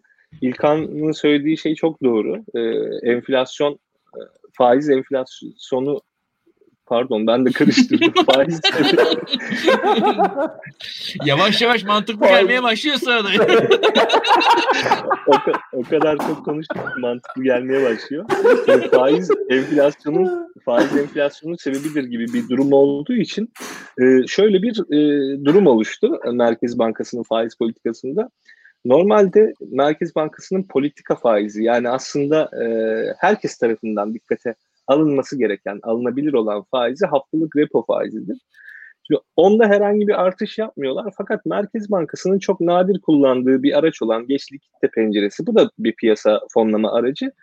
Bunun faizini artırıyorlar. Yani o arada işte faiz koridoru deniyor ona. Onun da böyle sabit bir fiyatı yok. İşte e, politika faiziyle arasında 300 bas puan olabilir. İşte 500 bas puan olabilir. O arada fonlama yapıyor Merkez Bankası e, piyasaya. E, ama bizim bankadan aldığımız e, faiz politika faizine göre ayarlanıyor. Ama fonlama faizi başka. İşte buradaki bu karmaşa e, hepimizin hayatını aslında etkiliyor. Bunun öncelikle bir bu faiz koridoru denen şeyin ortadan bir kaldırılması lazım. Yani bugünden yarına biz artık faizin ne olacağını bilelim yani. En azından iki para politikası kurulu kararı arasında ne olacağını bilelim faizin. Onun haricinde bu aktif rasyosu meselesi vardı biliyorsunuz e, herkes hatırlar şeyde konuşuyorduk bunu e, pandemi döneminde e, o süreç içerisinde bankaların yoğun bir şekilde kredi vermesini verebilmesini sağ, vermesini sağlamak için daha doğrusu onları kredi vermeye zorlamak için aktif rasyosu diye bir kural getirildi. Bu da yani ne kadar mevduat toplarsan ona göre yüksek oranlarda işte kredi vermen gerekiyordu. Eğer vermiyorsan e, burada sana bir ceza yazılıyordu bu aktif rasyosu meselesinin ortadan kaldırılması lazım. Bu hala duruyor maalesef. Bunun ortadan kaldırılması lazım ki artık piyasa biraz soğusun yani. Yani sürekli piyasaya para pompalıyoruz. Bu paraları e, Merkez Bankası nasıl e, tekrar sakinleştirecek, geri nasıl alacak? Ortada büyük bir soru işareti var. Yani siz bu kredi mekanizmasını işlettikçe, işlettikçe, işlettikçe artık piyasadaki bu para bolluğu nedeniyle de doların artışını görebiliyoruz. Ve bu hareket neticesinde yani Bakan Albayrak'ın istifası neticesinde e, baktığımız zaman bu e, Türkiye'nin risk primi yani borcunu ödeyip ödeyememesine ilişkin bir prim diyebilirim. Yani bir e, notlama sistemi diyebilirim en azından sizler için. E, CDS primi diye bilinen prim düştü. Ocaktan itibaren şu an en düşük seviyesinde. Yani bunların hepsi iyi gelişmeler ama bunların hepsi gerçekten 5 dakikada değişebilecek gelişmeler. Onun için herkesi ben biraz böyle temkinli olmaya işte Zaten tasarruf iyi gelişme de sepetini 5 dakikada gelişti. tabii tabii. Öyle değil mi? İyi Yani- gelişme de 5 dakikada gelişti yani. Çünkü bunların hepsi aslında finansal araçlar. Yani çok hızlı bir dünyanın araçları. Ama biraz önce bahsettiğim o realde mal, hizmet alım satımındaki fiyat düşer mi düşmez mi, hemen düşer mi düşmez mi mevzusu o, kadar basit değil. Ama bunlar basit. Bunlar 5 dakikada düştüğü gibi 5 dakikada da çıkabilir. Ve finansal piyasalarda şöyle bir şey de vardır. Ee, normalde bir piyasa eğer bull run'daysa yani e, büyümeyi büyüyorsa yani boğa piyasasıysa yavaş yükselir. Yani mesela dolar eğer yükseliyorsa biraz daha yavaş yükselir. Ama eğer düşüyorsa yani ayı piyasası dediğimiz dönemdeyse o zaman çok daha hızlı düşer. Çünkü bu psikolojik bir şeydir biraz. Yani yatırımcı psikolojisiyle alakalıdır. Düşüş başladığı anda panik başlar. Satışlar hızlanır. Çok hızlı satışla da birden düşer. Fakat çıkmaya başladığında biraz daha ağır çıkabilir. Türkiye şu an o hızlı düşüşü yani dolar açısından hızlı düşüşü yaşıyor olabilir bunun e, telafisi güç zararlara yol açmaması için en azından bireysel yatırımcıların biraz daha portföyüne dikkat etmesi, işte kendini daha garantiye alacak şeyler yapması gerekebilir. Onun için yani herkese şu dönemde biraz böyle çok hızlı işlem yapmamayı ben en azından tavsiye edebilirim. Çünkü işlem hacimlerine bakıyorum gerçekten yüksek. Yani şu an herkes satışta veya alışta. Kimileri için alım fırsatı, kimileri için satış fırsatı. Yani bu 5 dakikalık, 1 dakikalık grafiklere baktığımızda yani grafikler böyle yani zikzak halinde. Yani bir iniyor, bir çıkıyor. Onun için piyasanın piyasanın ne olacağı da şu an belli değil. Biraz karmaşa hakim. Daktilo daha ne yapsın ya? Yatırım tavsiyesi de e, Hayır hayır hayır yatırım tavsiyesi değil. yatırım tavsiyesi Hayır, hayır. Kanalı kapatalım gidelim bundan sonra. Hayır hayır yani burada hepimiz kendi e, düşüncemizi söylüyoruz sadece. Yatırım tavsiyesi kesinlikle değil ya. Burada duyduğunuz herhangi bir şeyle yatırımlarınıza sakın yön vermeyin. Ee, Evet, yani zararlı çıkarsanız da Daktilo 1984'ün herhangi bir hukuki veya mali sorumluluğu olmaz çünkü. Oğlum bana disclaimer açıklar okutturdun ya yayında. Ben- ya o, o kadar fazla şey geliyor ki yan tarafta işte altınımızı ne yapsak, e, dolarımızı ne yapsak diye. Arkadaşlar öyle şeyleri söyleyemeyiz. Öyle şeyleri söyleyemeyiz. Öyle bir şeyimiz yok. E, nasıl diyeyim? Öyle bir e, gücümüz yok. Onu söylersek olmazsa bizden bulabilirsiniz şeyinizi. Biz de arayabilirsiniz e, zararınızı. O yüzden e, şey yapamıyoruz. E, ama espri olarak güzeldi en azından. E, Enes'i biraz tedirgin ettik. E, peki ben e, son artık bir buçuk saate geliyoruz. Hala e, çok fazla şeyimiz var ama e, tak, izleyicimiz şu anda hatta yani herhalde e, rekor kırdığımız bir akşam oluyor olabilir. E, ben son bir birazcık e, komplo teorisi diyelim hadi. E, ama şöyle bir ihtimal görüyorum. E, parlamenter sistem meselesini sanki tekrar konuşmaya başlayacağız gibi geliyor. E, özellikle de ben o baktığım yerden yani e, partinin içindeki bazı eski tüfeklerin gidişattan memnun olmaması, Cumhurbaşkanlığı sisteminde eğer sistem kaybedilirse ellerindeki her şeyi kaybedecek olmalarından çekinmeleri dolayısıyla e, parlamenter sistem bence tekrar konuşulur hale gelebilir. E, çünkü sistemden parti içindeki kimsenin mutlu olmadığını biliyorum. Parti e, partiye yeni eklemlenen insanlar en çok mutlu. Çünkü e, hiçbir e, siyaset yapma ihtiyacı duymadan e, bazı bağlantılarını kullanarak istedikleri yere gelebiliyorlar. İşte e, büyük elçiliğe atanmaktan tutun da işte küçük bir e, ilçe müdürlüğüne kadar e, sistemi e, sömürebiliyorlar. Dolayısıyla e, ve ayrıca şunu da eğer hesaba katarsak AK Parti e, parlamenter sistemde e, çok uzun süreler iktidar ortağı olma gücüne sahip olan bir parti. Yani bugün baktığımızda kararsızlar dağıtılmadan %30'lara düşmüşler. Oyları olsun %35 AK Parti'nin. Hadi diyelim %30. parlamenter sistemde %30 aldığınızda iktidarın e, büyük ihtimalle başbakanlığını yapacak olan e, ortağı olursunuz çoğunlukla. E, Türkiye tarihi de böyledir. Yani %30'lar yüksek oranlardır. Dolayısıyla partinin yerleşikleri eskilerinin ben parlamenter sistemle ilgili de bir baskı yapacağını, Tayyip Erdoğan için de e, bunun çok avantajlı olacağını düşünüyorum. Özellikle de şunu hesaba kattığınızda başkanlık sisteminde bugün el değiştirirse, e, muhalefet örgütlenebilirse, bugün atanan e, hakim savcılardan tutun da ilçe başkanlarına kadar herkesin yeri istediği istendiği anda değiştirilebilir muhalefet yeni gelen e, iktidar tarafından diyelim. Dolayısıyla e, AK Parti eğer şu anda parlamenter sisteme geri dönse el, bütün o atadığı bürokratlar, hakimi, savcısı, osu busu her şey yerli yerinde durur. AK Parti e, e, iktidar olur. E, sittin sene derler ya hani o Farsça e, 60 yıl anlamına gelen bir şeydir. Yanlış anlaşılmasın. E, önümüzdeki 60 yıl e, iktidar olabilirler ya da iktidar ortağı olabilirler. Böyle bir e, komplo teorisi de kuruyorum diyelim kendi kafamda. E, İlkan sen ne dersin? Sence böyle bir ihtimal olabilir mi? Şimdi parlamenter sistem e, AK Partililer tarafından istenir. AK Partili benim Aksaçlılar dediğim grup tarafından istenir. Hatta daha önceki yayınlarda ben bunu Cumhurbaşkanlığı e, Yüksek İstişare Kurulu üzerinden bahsetmiştim. Bu kurulun hemen hemen tüm üyeleri bence tahminin bir üyesi hariç parlamenter sistemi kalben destekliyorlar. Eski siyasetçiler parlamenter sistemi destekliyorlar. Zaten parlamenter sistem adı üzerinde parlamenterleri öne çıkartan, siyasetçileri öne çıkartan bir sistem. Ee, şimdi bu sistemde, mevcut sistemde siyasetçiler arka planda bakarsanız. Ancak e, Berat Albayrak'ın olmaması demek parlamenter sistemden e, parlamenter sistemle çıkarı bozulacak, parlamenter sistemle zarar görecek kitlenin yok olması anlamına da gelmiyor.